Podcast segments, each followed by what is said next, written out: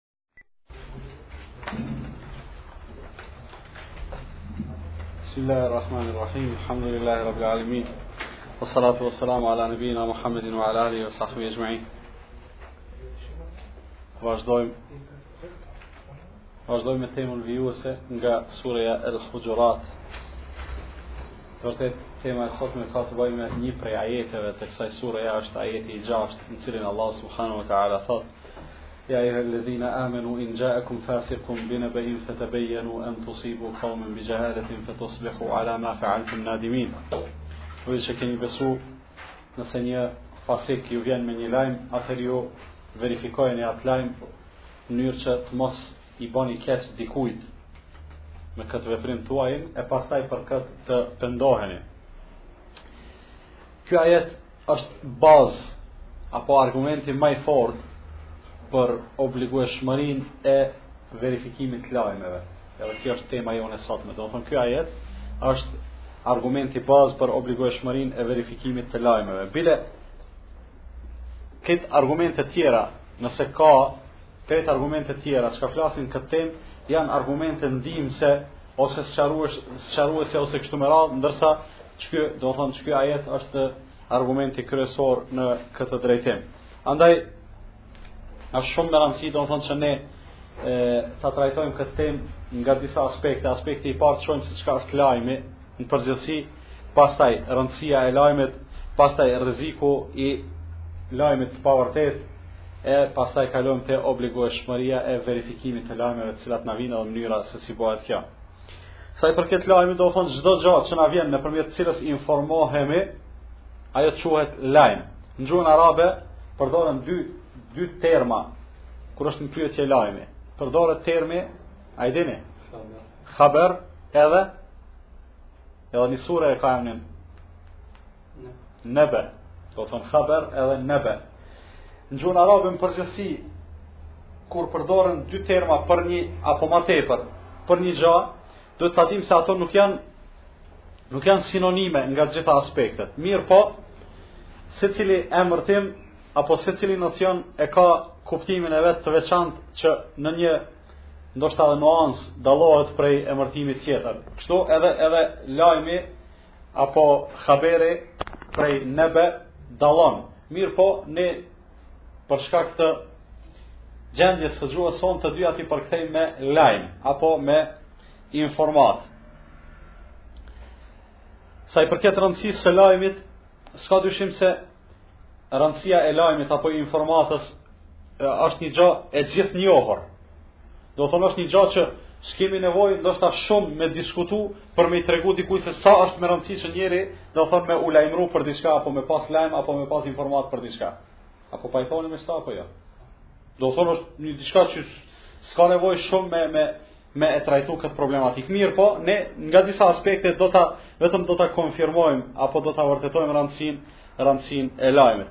E para, e, lidhja në mes njerëzve edhe Allahu subhanahu wa taala apo shpalljes që vjen nga qielli bëhet nëpërmjet kujt lajmit edhe lajmëtarëve. Ashtu që, Do thonë neve Allahu azze ve xhel çdo gjë që na ka thonë, që na ka udhëzuar, që ka kërkuar prej neve, na këtë e kemi marrë vetëm nëpërmjet lajmit edhe lajmëtarëve. Këtë këto janë lajme. Apo kuptoni, lajmëtari ka qenë Muhamedi sallallahu alaihi wasallam, lajmet janë ajetet e Kuranit.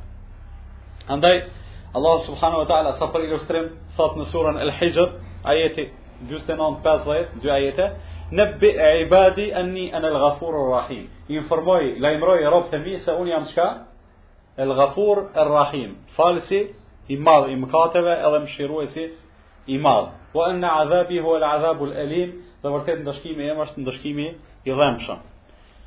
Çka do me thonë kjo? Do të thonë se Allahu Azza wa Jall po na tregon se njohja jonë, krijuesin tonë fuqiplot, cilësitë e tij e, e të vërteta të tjera, do të thonë bëhet nëpërmjet kujt? nëpërmjet lajmërimit, nëpërmjet informimit.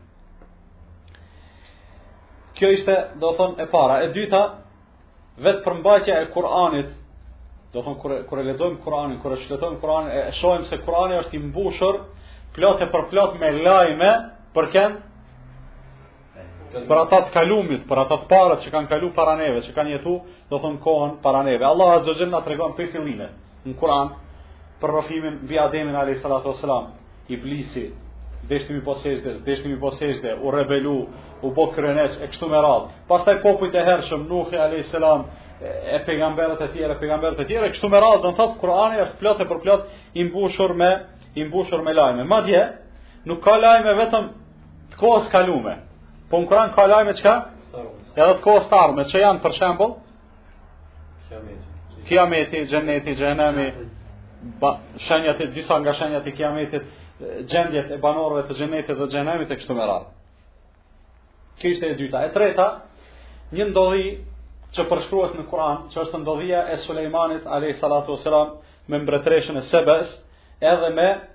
Pupëzën kur e ka çu, respektivisht nuk e ka çu, po ajo vet ka shku, do të thonë në krye n'vete. Edhe e ka pas Sulejmani alayhi salatu wasalam i cili i ka pas nën sundim të gjithë, të gjitha krijesat, do të thonë shtazët, shpezët, madje edhe xhinët, përveç njerëzve, edhe njerëzit do apo krahas njerëzve, jo përveç njerëzve. Krejt i ka pas nën sundim edhe me krejt ka komunikuar. Kur e ka, ka pa se po mungon një, me thon një ushtar, a është pupza,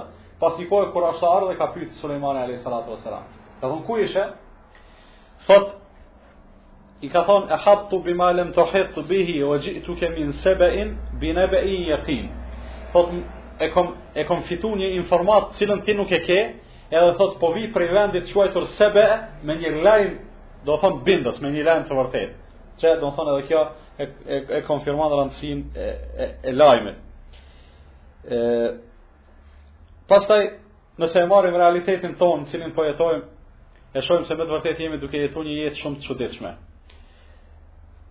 Pjesën më të madhe të ndikimit, pjesën më të madhe të ndikimit në jetën e njerëzve në përgjithësi, madje edhe në politikë, edhe në ekonomi, edhe në tregti, edhe edhe madje edhe në disponim të njerëzve nganjëherë e ka kush e kanë lajmet.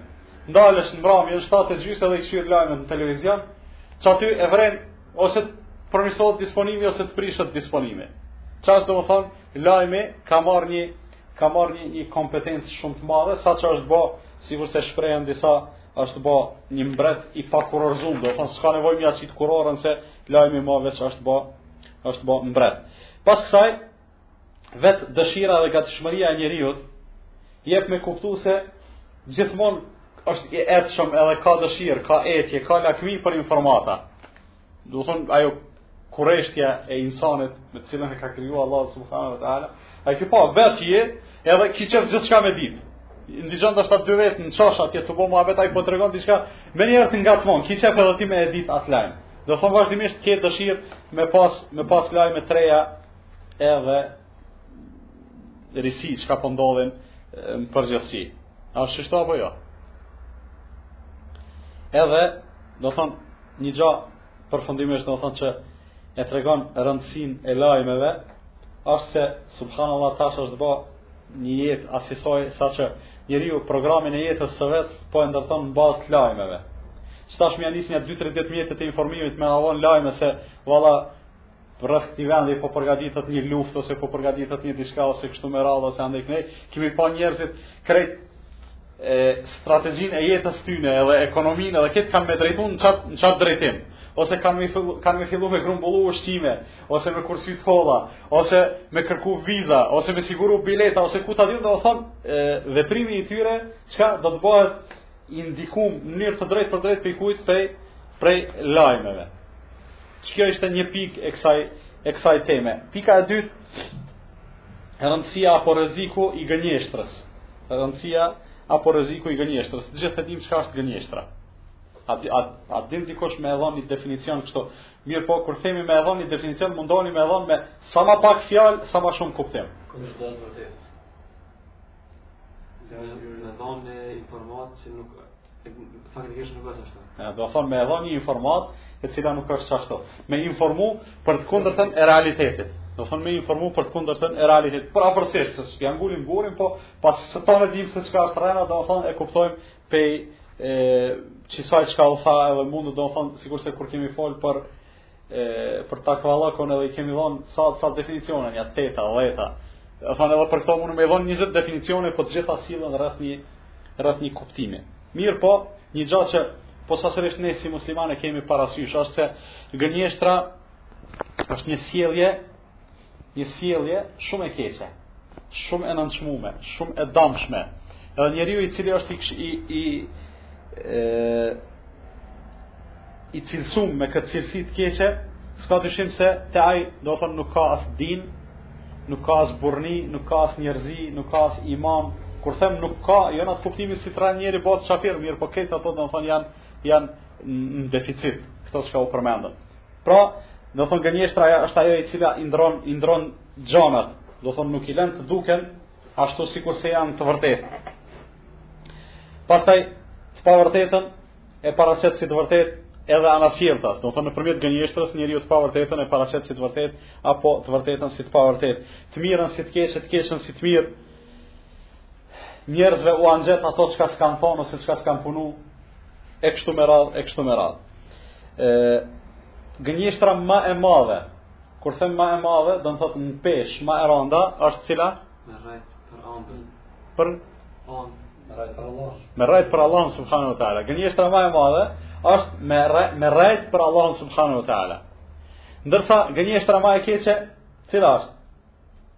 A dihet çfarë më e madhi është edhe më e keqja mirëpo në atë kuptimin nuk është njëjtë sikurse kur rren një njeri i thjeshtë apo sikurse kur rren dikush me autoritet. Pra gënjeshtra më e keqe është gënjeshtra e njerëzve posaçërisht në pushtet e respektivisht e prijësve të popujve se nëse një njeri i rëndomtë rren ai mund t' me rrejt një njeri 5 vetë, 10 vetë, 15, çfarë janë ato? Mirëpo nëse rren kryetari i shtetit, apo mbreti, apo sundimtari, ai e rren krejt popullin, prandaj s'ka dyshim se sa ma të randa që t'jenë pasojat e një veprimi, ai e ban ato edhe ma, edhe ma të keq. Andaj, sa i përket randësisë, respektivisht rrezikut edhe keqësisë së gënjeshtrës, s'ka dyshim se është një gjë e njohur për neve, mirëpo ne do t'i përmendim vetëm vetëm disa argumente prej Kuranit dhe prej Sunnetit e për e, shëmtinë shëmtinë e këtij mëkati. E para, ajeti 105 i surës An-Nahl,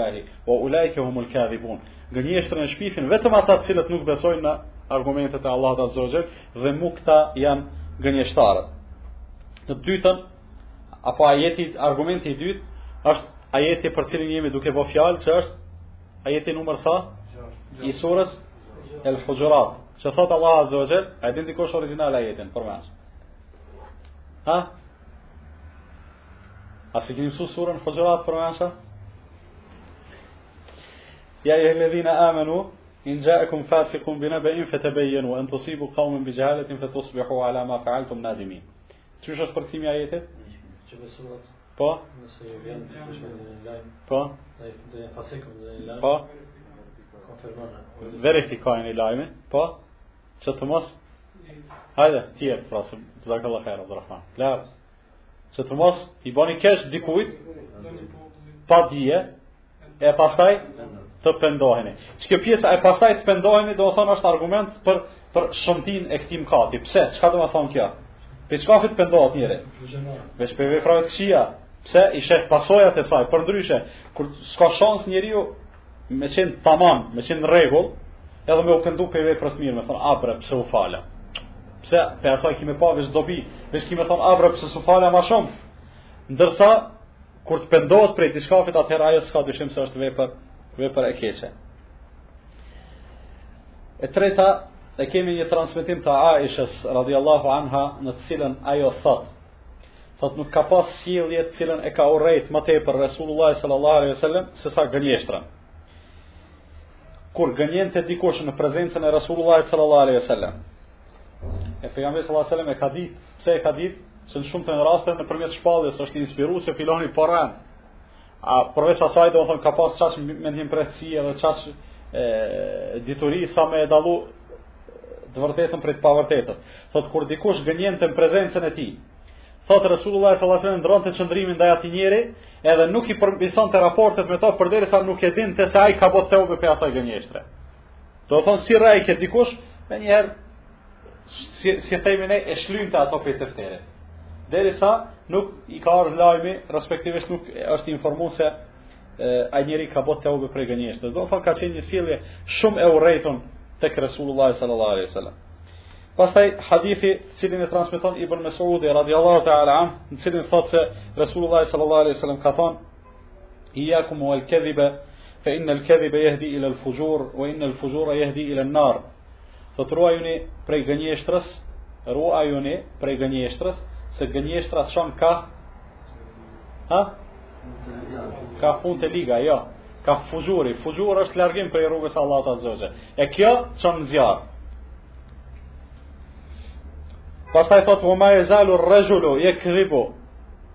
Ue jeteharra el kedhib, hatta juktebe inda Allahi kedhdhaben. E njeriu vazhdon të rrej, madje vetëm, vetëm me rrenë të punojë, derisa të mos regjistrohet tek Allahu azze ue xhel si çka? Si gënjeshtar. Do të thonë shumë e rrezikshme, kur njeriu rren një herë, dy, tre, masandej hyn në regjistrin e gënjeshtarëve dhe ma, e, nuk,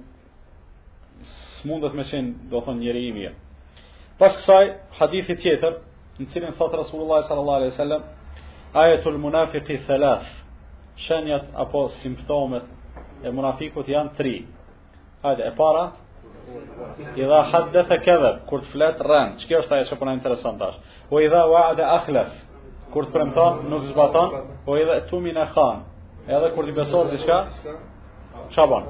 Tradhton, do thonë nuk e ruan atë. Mirë, kur flet rren, për çfarë jemi tu fol? Po, kur të premton nuk zbaton, çka hyn te qito? Po po kam qef. A? Po po, veç kur premton nuk zbaton. Po, edhe ajo është në një farë mënyrë, edhe ajo është gënjeshtër. Po çysh, çysh manifestohet kjo praktikisht? I thu dikujt takomi në ora dy, e ti del në dy orë. Apo? Po. Do thon kur nuk del edhe qikjo puna e, e termineve, vllazën, Unë po e vrej se të ne muslimanët, të ne, kur po them muslimanët e kam për qëllim rrethin e ngushtë të atyne të cilët po mundohen me e praktiku islamin ashtu si duhet, Kur'anin edhe sunnetin. Të ne është, termini është defekt shumë i madh. Do thonë nuk e kemi gajle absolutisht pse i kemi thonë dikujt valla takohemi në ora 2 ose në filon venin edhe s'dalin. për një punë më të vogël edhe kur e thirr në telefon ose kur e takon të nesrit, pse s'dole o vlla? Vallai bo ma hallall, po erdh dikush, më nxuni dikush, më dol një punë kështu me radhë. A ka ndonjë obligim më të madh se sa se sa me me ju përmbajt terminit? Për momentin nuk ka, përveç nëse është normalisht koha e namazit e kështu, do të thonë këto tjera muhabete. Mirë, por nuk bën ty me të ndal, edhe me të pengu prej daljes apo prej përmbajtjes terminit përveçse vdekja. Do thonë mos e leni këtë punë, hajt se, se kemi pas ndonjë punë të madhe, pavarësisht. Por ty mjafton me e ditë se mosdalja jote në kohë të cilën e ke lon me dikend, është një prej simptomeve të munafikut. Nuk është e vogël vallahi. Andaj të kemi kujdes në qëta se me të vërtetë unë po e vrej te te shumë te shumë prej vëllezërve, do të thonë një defekt shumë të madh, ose s'e kanë kuptuar, ose nuk e kanë kuptuar do të thonë rëndësinë e e mbajtjes premtimit që pjesë e saj është qikjo ruajtje e termineve ose diçka nuk është në rregull me ta. Neve nganjëherë mundohemi me dal për rekreacion, për shembull, dalim ta luajmë një lojë futboll. Hajde, në ora 6 do të takohemi në filon fushën. Dy vetë vijnë në 6, dy vetë në 6 e 10, një vjen 6 e 20, tjetri vjen 20 në 7, Pse, po futbol është ky. O vëlla i dashur, nëse në çet futbol që nuk kërkohet ndonjëfarë sakrifice e madhe, ti s'po mundesh me eduku veten tënde qysh duhet si musliman me u sjell. Çka do të bësh ti nëse dikush thotë hajde dalim në ora 6 edhe e bëjmë një punë të madhe? Jepim pasuri për hir t'Allahut azze ve xhel, ose ju flasim njerëzve, ose kështu me radhë, ose kështu me radhë. Çka do të bësh ti, kur kërkohet prej teje një punë e cila kërkon sakrificë? Nëse në qëto, unë, unë për veti qëto e marr si barometer, ndoshta e kam gabim, Ndoshta dikush po shpresoj se nuk do të kem do të më keqkuptoni, por unë qëto e kam barometër. Nëse njeriu në punë të vogla dhe në punë të thjeshta nuk është i përpiktë, unë pe atë njeriu nuk pres përpikëri dhe precizitet në punë të mëdhaja. Domethënë te unë që që kjo është rregull. Andaj të kemi kujdes, mos të lejojmë që tek ne të gjindet një simptom prej simptomeve të munafikut. Edhe ashtu jetojmë një kohë në të cilën e liga e keqja ka marrë përmasa të mëdhaja. Në një kohë në të cilën shumë vështirë po e kemi me u rujt pe pe pe shumë problemeve, pe shumë të këqijave, po s'paku ne bile ça kemi mundësi me bë, mos mos të lejojmë domethënë me me vetiniciativë me me u përly me me me cilësi të munafikut e kështu me radhë. Andaj merrni merrni shumë seriozisht domethënë çet punën e punën e mbajtjes së premtimit. Tani edhe pse ke jashtë temës mirëpo, masi u përmend pata dëshirë me tërheq vërejtjen. Ebu Bekr Siddiq radiallahu anhu ka thonë një fjalë Tash të kthehemi në temë te gënjeshtra, thotë ijjakum vel-kedhibe, fe inne al-kedhibe muxhanibun, muxhanibun lil iman. Thotë ruajuni prej gënjeshtrës, se gënjeshtra edhe imani janë dy sende të kundërta. Domethënë rrena edhe imani, besimi i drejtë, janë dy sende të kundërta. Pastaj, na mjafton argument se umeti islam, krejt umeti, krejt dijetarët e umetit islam, kanë bo ixhma, për ndalueshmërinë e gënjeshtrës. Çka do të thonë kanë bë ixhma? Çka është ixhma? Çka është konsensusi? Do të thotë s'ka kërkush në dynja prej dijetarëve muslimanë që thotë se gënjeshtra është halal. Krejt thonë haram. A ixhma është një dukuri e shpeshtë apo e rrallë? Shumë e rrallë. Shumë e rrallë. A po kupton, do të thotë, përderisa krejt dijetarët kanë bë konsensus, do të thotë se gënjeshtra është e keqe dhe e ndalume, atëherë vërtet E kuptojmë prej kësaj se çka është ajo. Pastaj thotë sikur të mos kishte pasojë tjetër prej gënjeshtrës, po të mbetej vetëm ajo se kur të njerëzit ta kuptojnë se valla filani rrejti një herë, mos e tërë kohën ata e trajtojnë si gënjeshtar ato, mjafton për të. Sikur të mos kishte as përgjegjësi në ahiret, as gjynah, as, as xhehenem, as do t'thon ndëshkim me xhenem, sikur kur jo mos pasonte asaj. Mjafton vetëm çka ti me u korit para njerëzve. Një herë rrejtë mas andaj mo njerëzit çka nuk të besojnë, kjo do të mjaftonte sa keq do të ishte. Ndërsa Sheikhul Islam Ibn Taymiyah rahmetullahi alayhi ka thonë një fjalë ka thonë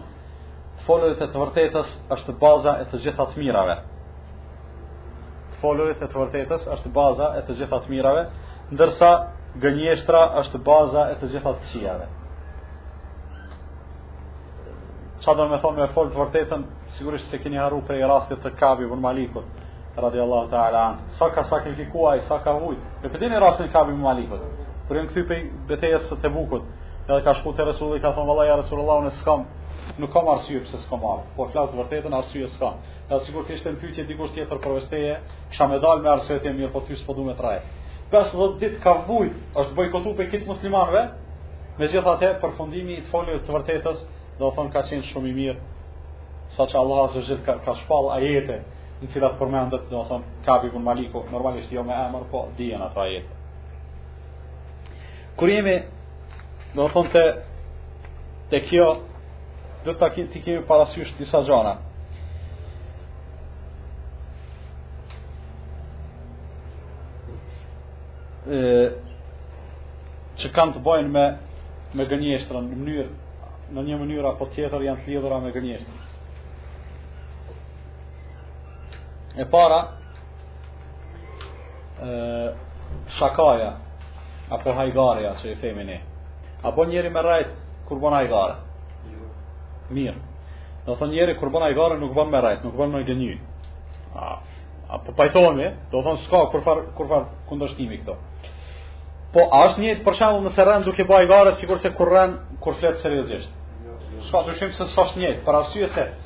Kur njeriu flet seriozisht edhe gënjen, atëherë pasojnë pasoja shumë të randa prej asaj gënjeshtre, përderisa kur kur njeriu gënjen duke ba hajgare, faktikisht pasojat janë shumë të vogla, ndoshta pasoja e vetme apo kryesore mundet me qenë e, pse apo qëllimi i ndalesës së gënjeshtrës edhe kur ban hajgare njeriu, është që njeriu të edukohet Të mos e flas gënjeshtrën, qoftë edhe kur ban hajgare, sikur se ka thon Resulullah sallallahu alaihi wasallam. ë thot ana zaimun bi baytin fi rabd al janna liman taraka al miraa wa in kana muhiqqa thot unë i garantoj një shtëpi në një anë të xhennetit ai i cili e lën polemikën që çka është shumë e rëndësishme ai i cili hjek dorë nga polemika edhe nëse ka të drejtë Shembull dy vëllazër, njëri thotë kështu, edhe ka argumente, edhe e din ai tjetri, ia merr mendja se nuk është ashtu, po është ndryshe edhe ja nisin me polemizu. Tash ky që ka drejt, vetëm për me u largu pej polemikës, se polemika është një gjë shumë e keqe. I shkatron zemrat, i largon zemrat, i i vrazhdson zemrat, e kështu me radhë. Thot ai edhe nëse ke drejt, nëse hjekësh, hjek dorë pej polemikës, thot Resulullah sallallahu alaihi wasallam i garantoj një shtëpi në xhennet atij personi. Pastaj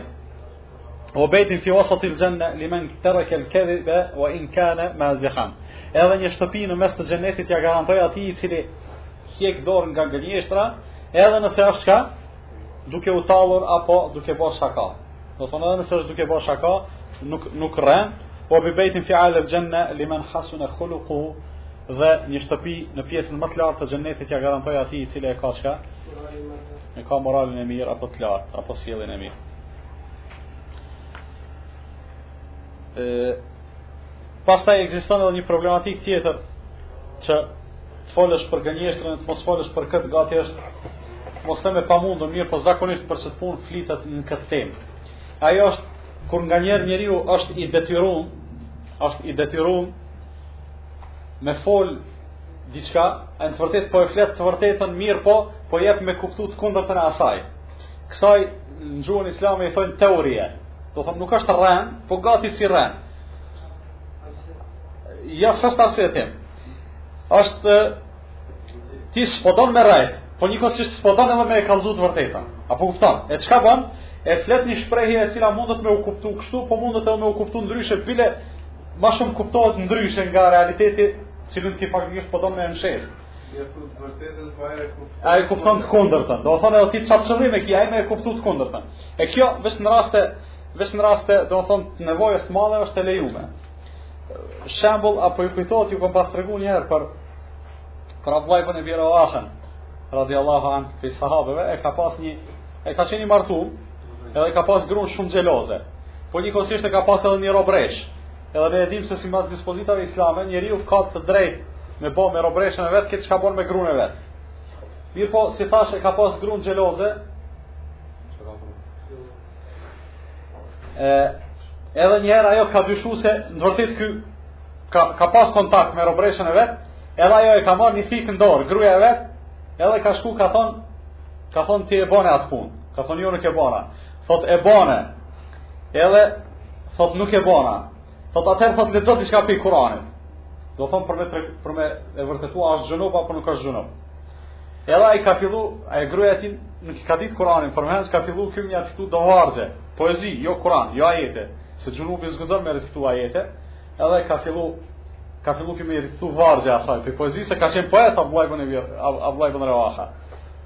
Edhe ajo tani e ka lëshu thikën, ka thonë, amentu billahi, ue kedhebtu basari. Thotë, po i besoj Allahut azze ve xhel, ndërsa sytë e mi po i përgënjeshtroj. S'kom pa kurgjo. S'kom pa tani. Apo, rasti tjetër, ai njoni, ka qenë njoni prej, prej selefit, kur ka qenë i zanun te shpia, edhe ka ardhë dikush me e lyp atë, zakonisht a keni pa njerëzit kur vjen, ndoshta vjen për një punë e cila mundet me u kry, për një minut apo dy. Për dy minuta mundet me u kry, mirëpo, vjen, selam aleikum, e si je, si e ki familjen, si i ki evladët, e qysh po shkojnë punët, a je mirë, çka po bane, tek po bane, prit një çaj, prit një kafe, do me thonë një orë, një punë që për një minut apo dy mundet me u kry. Edhe, normalisht, selefi janë shqu edhe për atë se kanë qenë shumë koprracë kur është në pyetje koha e tyne. Edhe kur s'ka pas kohë me ju dalë njerëzve, ka trokit dikush në derë,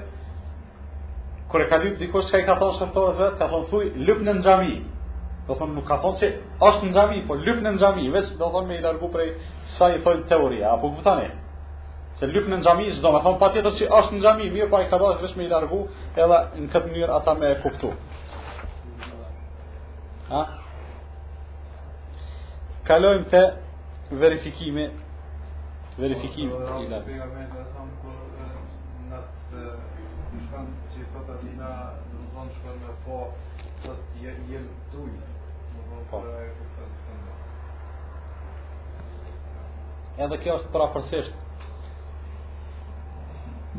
Kalojmë te verifikimi i lajmeve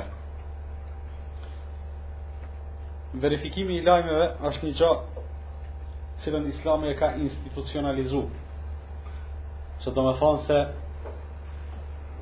është një gja që muslimani duhet me e pas një lloj peshoje, duhet me e pas ma s'pari parim në jetën e tij, që çdo lajm që i vjen me i pas disa rregulla, të cilave patjetër ka me ju nënshtru ai lajm, për me ditë se është lajm i vërtetë, apo nuk është i vërtetë, se në bazë të lajmeve na po marrim qëndrime, është ashtu apo jo, në bazë të lajmeve na po veprojmë, andaj nëse na fillojmë në bazë çdo lajmi me vepru, kemi me e pas e, duke e pas parasysh logikisht se lajmet mund të na vijnë të vërteta dhe të pavërteta. Atëherë çka do të bëhej me neve sikur t'i ndërtonim qëndrimet tona mbi lajme të pavërteta. Do të thotë sigurisht se do të bëhej keq puna jonë. Andaj kemi nevojë me e pas një sistem i cili ka me na e mundsu, do të thotë deri në një masë me i verifiku lajmet, në mënyrë që çdo lajm që na vjen me e marrë me e klasifiku. Nëse është i vërtetë, atëherë mbi ato të vërteta t'i ndërtojmë ne qëndrimet tona në mënyrë që kemi sukses në jetën tonë të kësaj bote, edhe në jetën e botës tjetër. Edhe që përfundimi jonë të mos bëhet, ajo që ka thanë Allah subhanahu wa ta'ala, që dikujt t'i bani keq me xhehalet, me mosdije, e pastaj të pendoheni, pendoheni për atë që keni bërë. A po kuptoni? Përderisa është kështu, qysh është qaj sistemi, qysh është qajo peshoja, cilat janë ato parimet apo kriteret nëpërmjet të cilave ne duhet të e, ta verifikojmë lajmin i cili na vjen. Shumë njerëz mendojnë se nëse Çdo lajmëtar e nënshtron apo e shtin në atë në atë filterin e e e lajmëtarëve që duhet me hy secili, mendon se nuk është në rregull kjo punë për arsye se vallahi filani ma dha një lajm, po ai te unë është njeri i besueshëm, ai është musliman i mirë, ai nuk rren kurrë, ai kështu me radhë. Në rregull është, mirëpo edhe ai duhet me ju nënshtru atyne rregullave. Për arsye se Allah subhanahu wa taala po na jep po na jep udhëzimin me ajet të Kur'anit. Pastaj, nëse e kemi parasysh edhe shkakun e zbritjes së ajetit, që në pyetje ka qenë ai sahabiu i cili vetëm se është friksuar me shku atje me marr zekatën e ka thonë ata deshtën me mbyt, do të thotë secili njeri mundet me ra në qasi gabime, sikurse ka qenë ai sahabi i Resulullah sallallahu alaihi wasallam. Andaj si i këtillë secili njeri ka nevojë me ju nënshtru qatij kriterit apo qasaj peshojes së së verifikimit të lajmeve. Andaj nuk duhet njeriu me thonë vallaj, jo, nuk është në rregull unë tash për secilin, posaçërisht për vëllezërit të cilët i njoh edhe janë njerëz të mirë kështu me radhë. Normalisht nuk është bazë apo pikënisje e jona dyshimi. Valla me dyshu se ky vëllau mos po m'rren. Jo, do të thotë qajo nuk duhet me qenë bazë. Mirëpo, duhet me qenë bazë kur të vjen një lajm, dal ta kqyri do të thotë Të gjitha rrethanat që që e rrethojnë atë lajm me kshyr apo e apo e dëshmojnë ato çka po përmban në vetë lajmi, apo po e dëshmojnë, apo po e dëshmojnë të kundërtën. Se do të shohim pak më vonë se nuk është problemi vetëm te besnikëria, që njeriu me qenë i besueshëm edhe nuk rren kurrë, janë edhe disa tjera, a e ka majt n'men mirë, a e ka kuptu mirë, a po i din do rethana, e kështu me radhë, domethënë që mundet njeriu me gabu edhe pa e pas, edhe pa e pas qëllim. Andaj, Do të flasim për rëndësinë e, e e konfirmim e verifikimit të lajmeve. Vet ajeti i cili në mënyrë shumë të qartë ka ardh me urdhën, se Allah azza wa jall diçka kur urdhëron, çka nënkuptojmë na prej urdhrit? Ha? Qysh?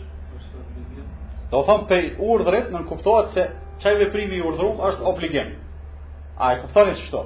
Thot Allah azza wa jall faluni, domethënë obligim m'u fal. Merrni abdes para se m'u fal, obligim. E këtu në këtë rast, domethënë, ka ardhë çka, nëse ju vjen një, një njeri fasik me një lajm, verifikojeni.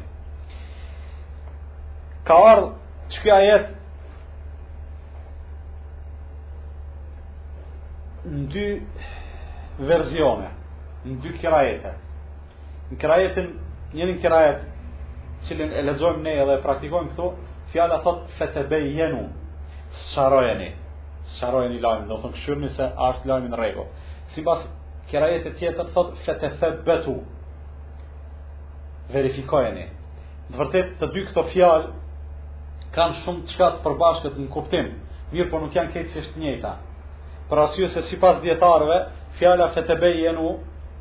Fjala fetebejenu e ka nënkuptim përmbajtjen e lajmit, ndërsa fjala tethebetu e ka nënkuptimin e zinxhirit të atyre të cilët e bartin lajmin.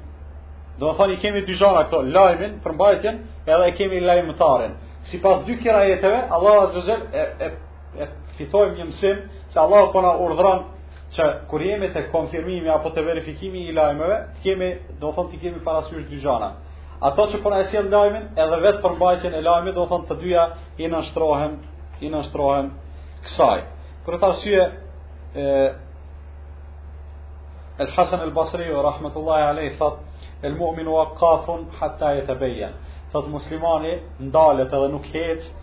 Përderisa nuk verifikohet, domethënë, në lajmet që i kanë ardh. Nuk merr qëndrime, nuk nuk bën veprime përderisa mos i verifikon lajmet të cilat të cilat i kanë ardh.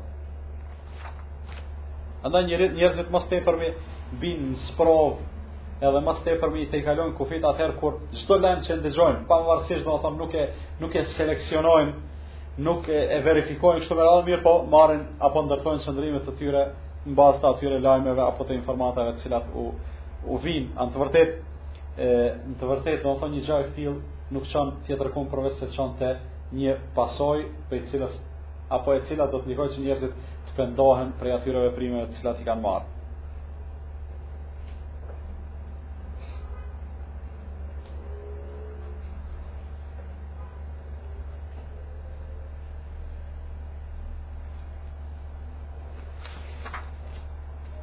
domethënë ajeti në mënyrë të qartë po tregon se sa është me rëndësi që njerëzit t'i verifikojnë lajmet e tyre.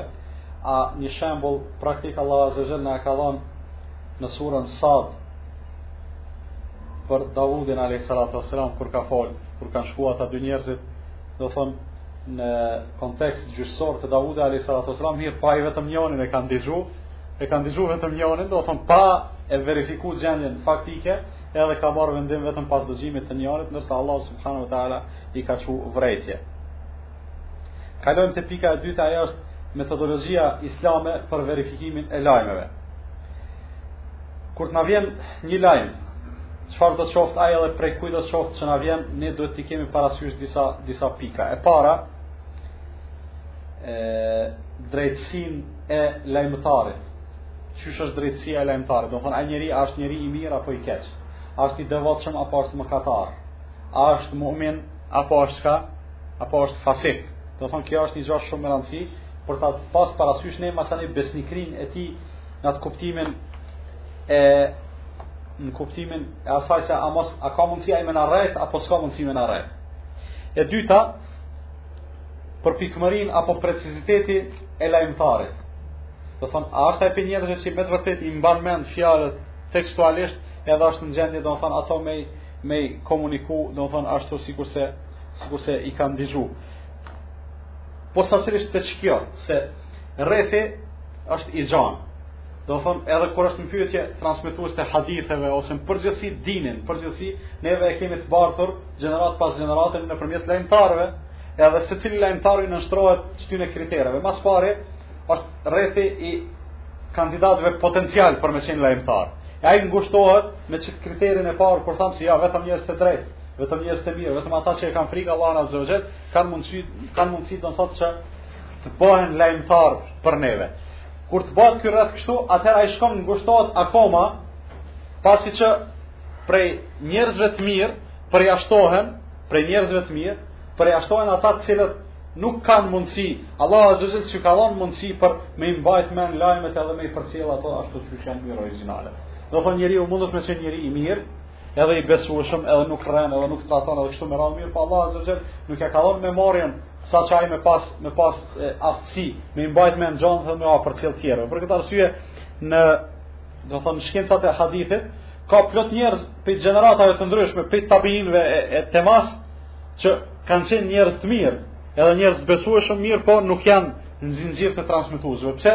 S'kan pas, do thonë memoria nuk nuk nuk ka qenë memoria e tyre as e fortë sa për të pas mundësi një hadith që e kanë dëgju me e transmitu ashtu sikurse e kanë dëgju për këtë arsye thot njëri prej prej e, transmetuesve të hadithit thot i kom mbri thot në Medinë 100 njerëz të gjithë janë të besueshëm po pe asnjërit prej tyre s'mirret hadithi pse ata njerëz të mirë të besueshëm e kështu me radhë mirëpo nuk s'kan pas mundësi do me thonë me e mbajt mend hadithin edhe me e, me e transmitu për këtë arsye thot imam Maliku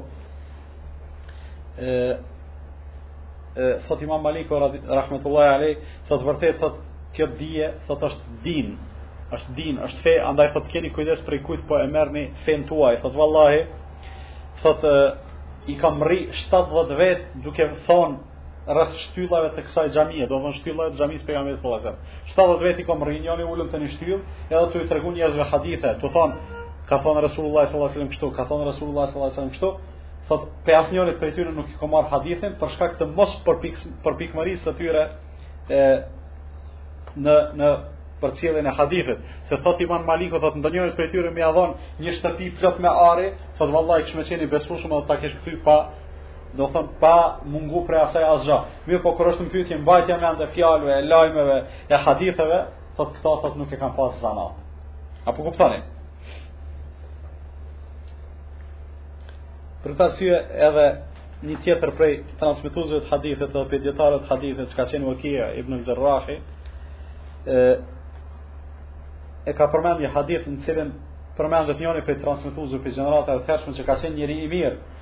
por nuk ka qenë i përpikt në mbamendje, ka thonë, ka thonë për ato, ai është njeri i mirë, mirëpo njerëzit apo burrat e hadithit janë të tjerë, nuk janë sikur ky. Do thonë, po njeri i mirë, po krahas asaj duhet me qenë edhe i përpikt, a ky ka qenë vetëm vetëm i mirë. Pika e tretë, të kuptuarit e mirë edhe të drejtë, të kuptuarit e mirë edhe të drejtë. Nganjëherë njeriu e ndëgjon një fjalë, e kupton gabimisht. E ndëgjon një fjalë, po e kupton gabimisht edhe në bazë të asaj e ndërton qëndrimin. Apo në bazë të asaj që ka kuptu vetë, e transmiton atë fjalë, edhe menjëherë, do me thonë çka, bëhet një devijim në transmitimin e, e atij lajmi i cili i cili e, bartet te dikush tjetër edhe në këtë mënyrë do me thonë mirren e, qëndrimet e gabume. Kjo në të vërtet është një defekt Do thonë është një mangësi kur njeriu nuk ka aftësi për ta kuptu lajmin apo informatën të cilën e merr prej dikujt apo të cilën e bart te dikush tjetër. Për këtë arsye është mirë ta potencojmë një hadith, të cilin thot Resulullah sallallahu alaihi wasallam, "Nadhar Allahu mra'an sami'a maqalati fa hafizaha wa wa'aha." Thot Allahu ja ndriçoft fytyrën një njeriu i cili e ndigjon thanjen time, thot pejgamberi sallallahu alaihi wasallam ka thënë kështu. Allahu ja ndriçoftë fytyrën një njeriu i cili e ndigjon thënien time. E mban mend mirë dhe e kupton. E mban mend mirë edhe e kupton. Do thon krahas asaj çka tham parë të mbamendja, krahas asaj do thon duhet edhe edhe të kuptuarit me qenë. Wa bellagaha men lem jesmaha Edhe ja transmiton atij cilit nuk e ka ndëgju drejtpërdrejt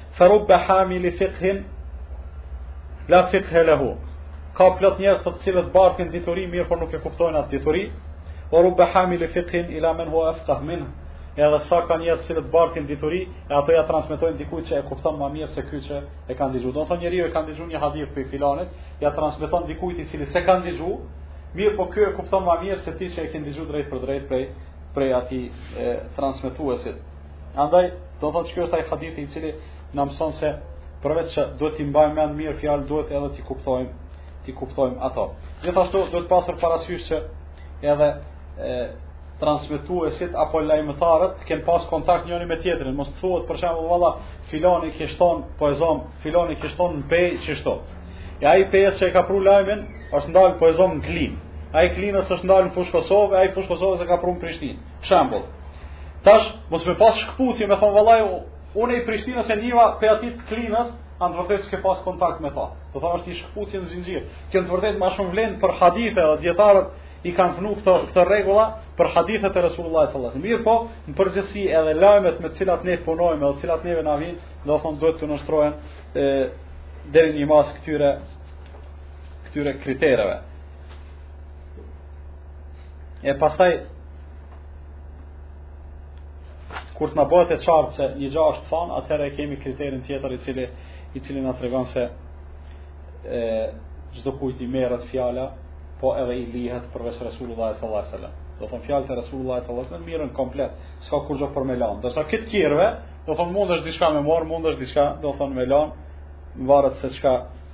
sa ia ka qëllu. E, dikush mundet me thonë, krejt këto që u potencun deri tash, është ma shumë vlen për hadithet e Rasulullah s.a.s. se sa për fjalët e njerëzve. është e vërtet kjo, se krejt këto rregulla, të cilat u potencun edhe plot tjera, të cilat ndoshta e, nuk janë nuk është vendi edhe koha tash t'ua potencojmë që kanë të bëjnë me hadithin e Resulullah sallallahu alaihi wasallam, janë prej mrekullive, të cilat e bëjnë këtë din, këtë fe me të vërtetë të të mrekullueshëm. Mirëpo, neve duke e pas parasysh se prej lajmeve të cilat i marrim, ne ndërtojmë qëndrime. Edhe duke e pas parasysh ato se Allah azza wa jall, qysh atëherë ka paralajmëru Se ka mundësi njeriu të ndërtojë qëndrim apo të marrë qëndrim në bazë një lajmi që i vjen, edhe njëkohësisht ka mundësi që ai qëndrim i tij me qenë i gabueshëm, me qenë armiqësor ndaj dikujt, dikujt me i bo sherr, dikujt me i bo dam, e pastaj ky kur të ballafaqohet me pasojën e atij qëndrimit gabueshëm, me u bo pishman, me u pendu pse e mora këto. Atëherë Allah azza wa jall kur po thot për një punë, mos të ndodhë që mas andej ju të pendoheni prej asaj pune, po don me na tregu se rrini gati sa është herët, Mos, mos leni që t'ju ndodhë pendimi. A po kuptoni? Mos lejoni për një punë që keni mundësi me e bo mirë, mos lejoni me e bo keq, masanej me u pendu e hajt të boj edhe njëherë mirë. Mirëpo, prej në start, prej në fillim, do të thotë mundoni atë punë me e bo, me e bo si duhet.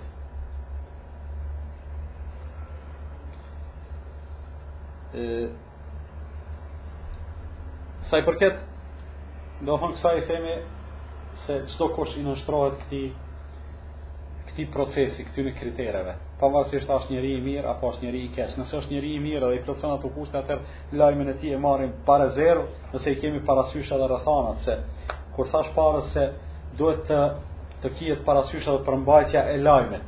Nganjëherë, këta njerëzit i ki në rregull, Ai që po ta transmeton lajmin, i ka edhe disa dëshmitarë, ka thonë kështu, mirëpo, rrethanat e dëshmojnë të kundërtën. Ose gjendja e atij njeriu prej cilit po po transmetohet, ose rrethanat, ose kështu me radhë, atë domethonë edhe këto duhet me pas parasysh edhe me gjet arsyetim e jo me marr qëndrim domethonë të gabueshëm menjëherë, veç pse na ka ardhur lajmi e jo si duhet. Mirëpo, nëse njeriu vërtetohet se nuk është prej mu'minave, po është fasik. Atëherë, a me e marrë lajmin e tij, apo mos me e marrë lajmin e tij. Dijetarët thonë se e, fasiku, domethonë, fasiku është mëkatar, ai i cili ban mëkate vazhdimisht. është i njohur për shembull me pirje t'alkoolit, ose me, me vjedhje, ose me gënjeshtër, ose me zina, ose me kështu me radhë, domethonë, ban vazhdimisht, ai është fasik. Thotë nëse, fas, nëse vërtetohet për dikënd se është fasik, atëherë automatikisht bjen besnikëria e tij. Nuk nuk është ai i denjë që na me i marr lajmet prej tij, përveç nëse tregon diçka për veten e vet. Përveç nëse tregon diçka për veten e vet. Mirëpo, në këtë rast, domethonë fasiku, varësisht nëse nuk është qatë shumë i pabesueshëm, ka mundësi domethonë me, me e ba si e, amanetxhi nëse dojmë dikujt me ia çu një fjalë ose një emanet ose kështu me radhë, Edhe pse është fasik, por nëse ne kemi deri në atë masë besim tek ai, domethonë ai ka mundësi me e bë me me e kry një funksion të këtillë. Ndërsa përderisa jemi duke fol për lajmet edhe po e përfundojmë me këto çka do themi tash, neve jemi duke jetuar një kohë ku po them lajmet lajmet janë pjesa më e rëndësishme e e jetës njerëzve në përgjithësi, është ajo e jetës tonë. Për arsye se e, ato po e imponojnë tempon e jetës edhe mënyrën e jetës e kështu me radhë. Atëherë shtrohet pytja, nuk kemi të bojmë me një njeri, ose me dy njerëz, kemi të bojmë me institucione, kemi të bojmë me media, domethonë me, me, me, me shtëpi të informimit, me televizione, me radio, me gazeta, me kështu me radhë, tash lajmet e tyne qysh, a me, a me i pranu, apo me i refuzu. Për arsye se e dim se shumica e njerëzve nëpër ato media, jo që janë fasika, po do thonë në gjendje shumë më t'randë dhe shumë më të keqe se sa se sa që janë fasikat. Atëherë shtrohet pyetja se qysh duhet me me qëndru na përballë lajmeve të cilat i japin mjetet e informimit publik në përgjithësi. E, nëse mjeti i informimit e lanson një lajm edhe e jep burimin e atij lajmi, atëherë Kjo i ngjan sikurse lajmi i fasikut, të cilin nuk e pranojmë, nuk e pranojmë përderisa mos e verifikojmë në për, në për ndonjë rrugë apo metodë tjetër. Pra kur fasiku na e bjen neve një lajm, ne nuk e pranojmë atë lajm si si të shëndoshë, si të saktë, përderisa nuk mundohemi nëpërmjet mënyrave të tjera me e verifikuar atë lajm. Do të thonë çka është rëndësia e verifikimit, a po kuptoni? Edhe shtëpia mediale, televizioni, radioja, gazeta e bjen një lajm, nuk e pranojmë lajmin Përderisa nuk e vërtetojmë apo e verifikojmë nëpërmjet rrugëve tjera. Për shembull, gazeta shkruan për njërin valla se filani është duke bërë kështu ose ka lidhje me këto ose kështu me radhë, do thonë nuk e pranojmë na atë lajm prej gazetës, nuk e marrim si të vërtetë, përderisa nëse kemi mundësi nuk nuk, nuk kontaktojmë drejtpërdrejt me atë njeri, apo nëpërmjet njerëzve të drejtë nuk e vërtetojmë se a është gjendja e atij kështu apo jo. A po kuptoni, rastin më të freskët e keni pas me me atë balonin i cili fluturoi edhe do të mjetet e informimit e lansun atë lajm a po e dini për çka është fjala në të Babushi i Muhaxherëve a çka ky ai fshati atje do thonë çka herë po bohet kali, herë po bohet tigër, herë po bohet peshk, herë po bohet çka po di un se çka herë po fluturon, herë po çohet, a e faktikisht krejt ajo ka qenë një, një kurgjo hiç, do thonë se s'meriton. Andaj, metoda jonë ma e mirë, kish me qenë do thonë na, Mos me e pranu atë lajm prej mjeteve të informimit, por pa u mundu me e verifiku nëpërmjet rrugëve, nëpërmjet rrugëve tjera. A po kuptoni apo jo? Kjo ishte e para. E dyta, nëse lajmi është i atillë që është e pamundshme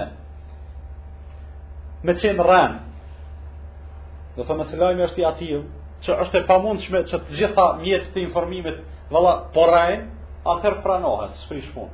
Do të thonë vetëm se, do të thonë duhet me qenë lajmi i atillë që e kuptohet, është normal edhe e pamundshme është do të thonë ai njëti lajm me qenë me qenë rrenë.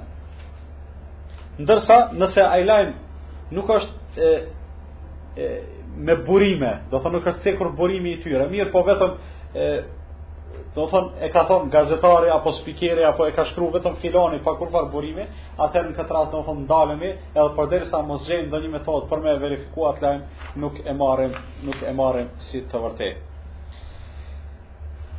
Kjo ishte e tëra ajo e cila ka të bëjë me këtë me këtë temë, e cila është një temë shumë me rëndësi. Do thonë për jetën tonë, edhe për për për, për, për përditshmërinë tonë është një temë shumë me rëndësi, nga shumë aspekte. Nga aspekti i jetës përditshme, që të mos ndërmarrim apo mos marrim qëndrime e ato t'i ndërtojmë përmbi baza të dobta, përmbi themele, të cilat nuk qëndrojnë, e ato janë lajmet e pavërteta. Do thonë n'jetë në përgjithësi.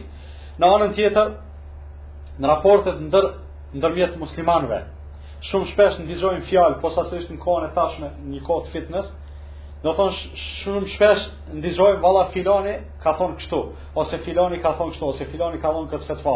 Ai ndoshta s'e ka dhonë, edhe në shumë raste po hasim se njerëzit po kanë prirje edhe gatishmëri, edhe po kanë tendenca me bart prej njerëzve fjalë të pavërteta, lajme të pavërteta. E nuk është mirë do thon që ne e, Nuk është mirë që ne të ndërtojmë qëndrime apo të marrim qëndrime në bazë t'atyre lajmeve të cilat na vijnë, për pa e përdor na këtë metodologjinë, të cilën po na jep Allahu subhanahu wa taala për verifikimin e lajmeve. Për shembull, njëri po thot valla, unë e kam dëshmitar se filon hoxha në filon veni këtu në Kosovë, ka thonë se shehi Ibn Bazi është mëkatar, është gjynahqar. Pik. Do thonë çka ç'është lajmi? Në rregull. Ti ki dëshmitarë dhe na mundemi me i marrë ata dëshmitarë këtu dhe me i ndëgju ata thonë po valla dhe unë e kam dëgju. Atëherë çka do t'me bë na si musliman? Me thonë e vallahi ai ai koka kundër shejh Ibn Bazit. Do thonë kundër një alimi shumë të madh dhe shumë me rëndësi në jetën e muslimanëve. Atëherë çka me bë? Do t'me marrë qëndrim negativ ndaj atij njeriu. Mirë, po nëse na e bëjmë këtë gjë pa e përdor metodën që na e ka mësuar Allah subhanahu wa taala kemi bë gabim. Pse? Për arsye se ekziston mundësia a unë sa e njoh atë njeriu për të cilin po na bartet lajmi, sigurisht se qështu ka qenë, ndryshe s'ka mujt me qenë, ka folë në atë kuptimin, shembull, kur themi, po vetëm Resulullah sallallahu alaihi wasallam i merret çdo fjalë pa rezervë. Krejt na tjerët jemi mëkatarë. Edhe Sheikh Ibn Bazi është mëkatar në këtë kuptim. Edhe Sheikh Albani, edhe unë, edhe Mulla Filani, edhe Mulla Fisteku. Krejt jemi mëkatarë. Edhe krejt neve na mirret fjala edhe na kthehet, na refuzohet.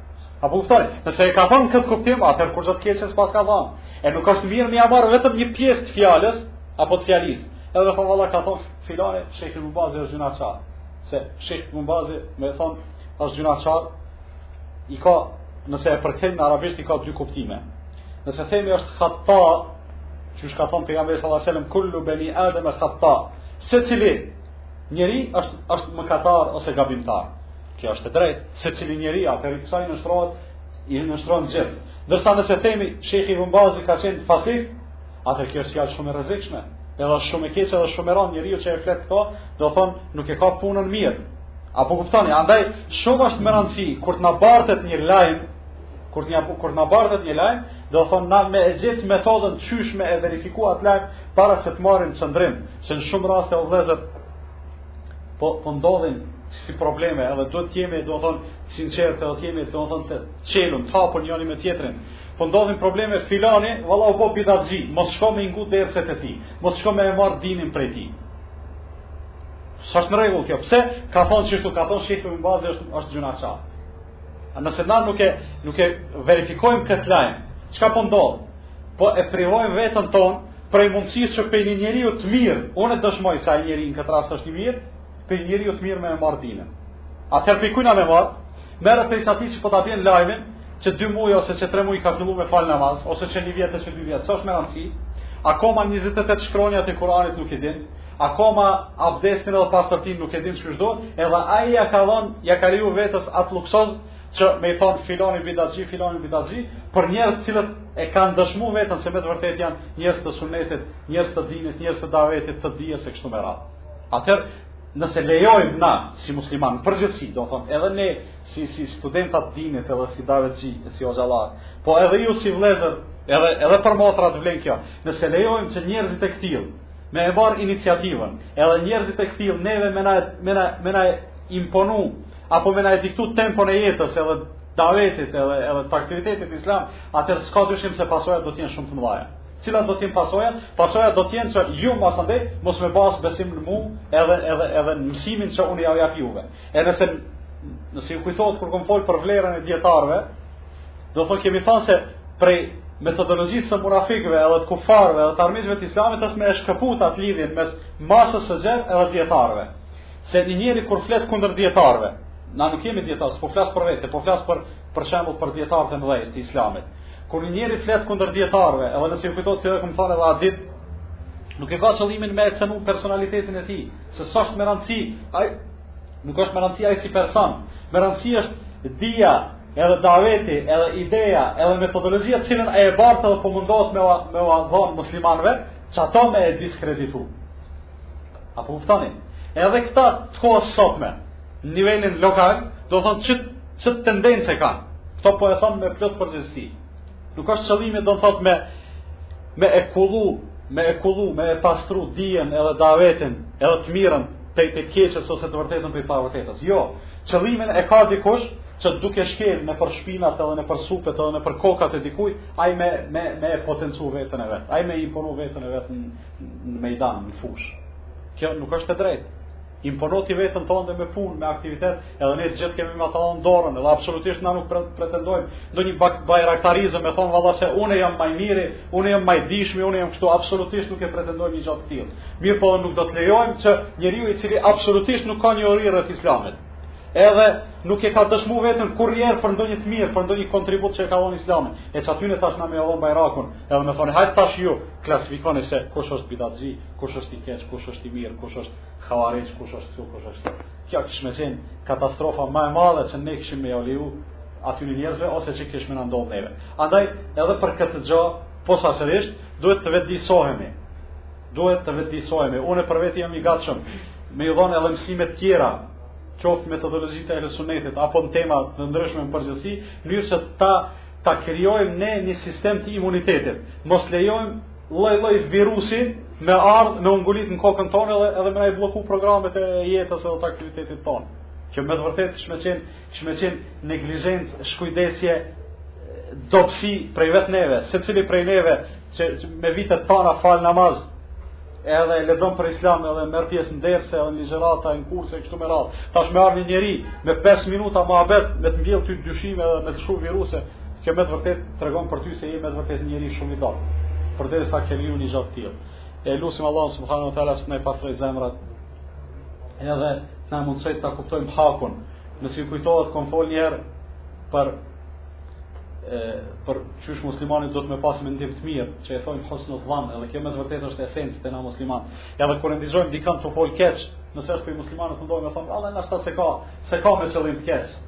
Nëse i ka 90-100 rrugë, apo 100 mënyra me u kuptu një fjalë, 99 janë për keq, veç një është për mirë, ne duhet të mundohemi që atë mirën me e marrë, kur është në pyetje muslimani.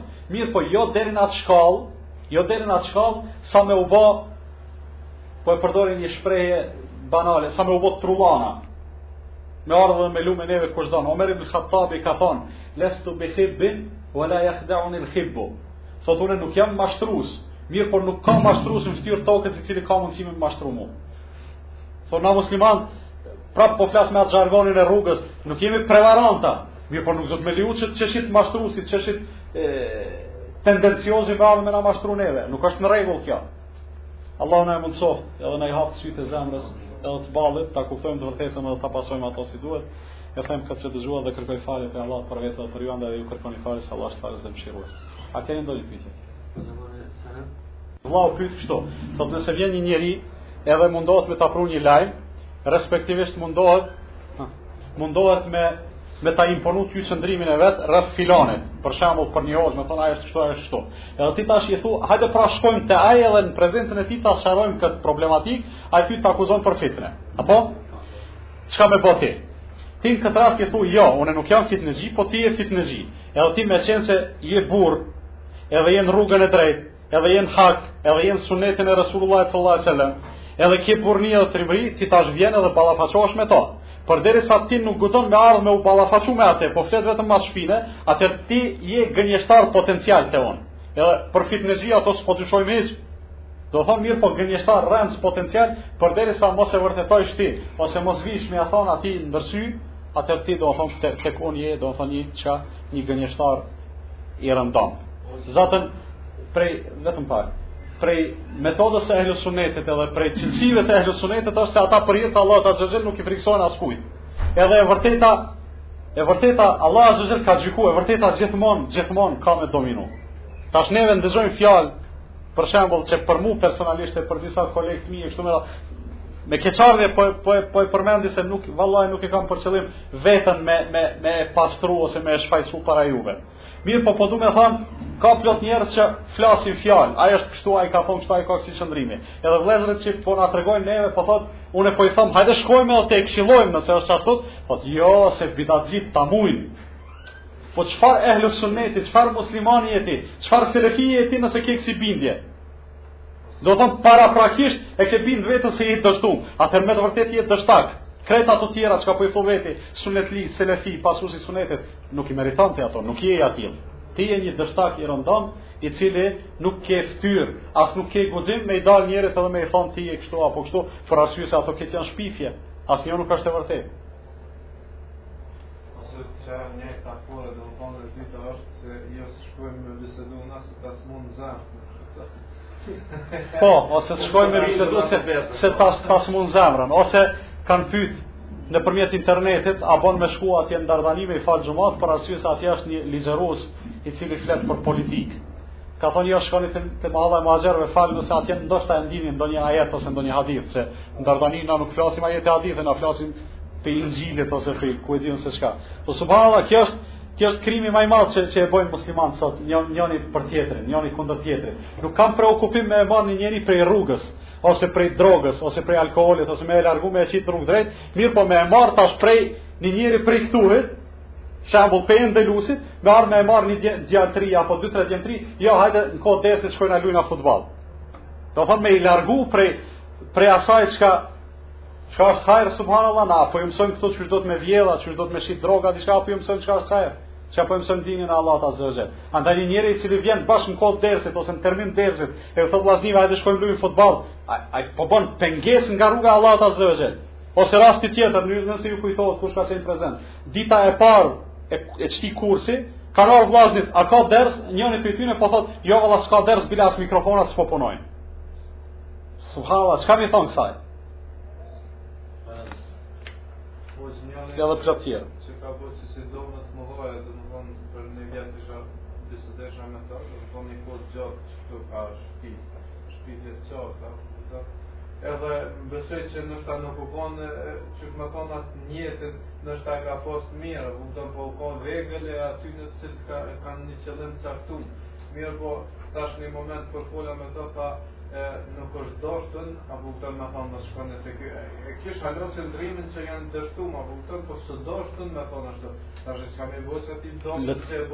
Le të kthehet, s'ka gajle, ia bëjmë hallall na atij, veç le të kthehet në rrugë t'drejtë.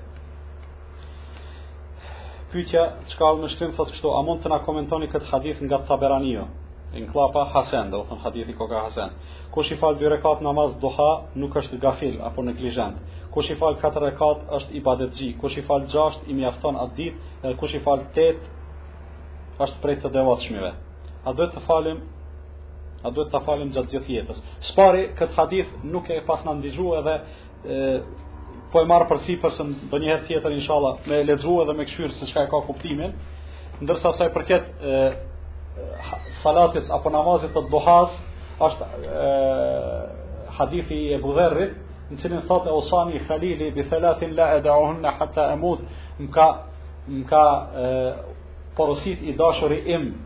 shumë i dashuri im Muhamedi sallallahu alaihi wasallam me tri gjana, të cilat nuk do t'i lë derisa të vdes, njëra prej tyre është namazi i duhas. Mirë është nëse ka mundësi njeriu, domethënë gjatë gjithë jetës me e fal namazin e duhas, vetëm çka është më shumë. Po na. Të gënjesh për atë. Po. Janë disa raste domethënë kur është e lejuar. E a ka argumente domethënë se për shkak të shkakut të Rastet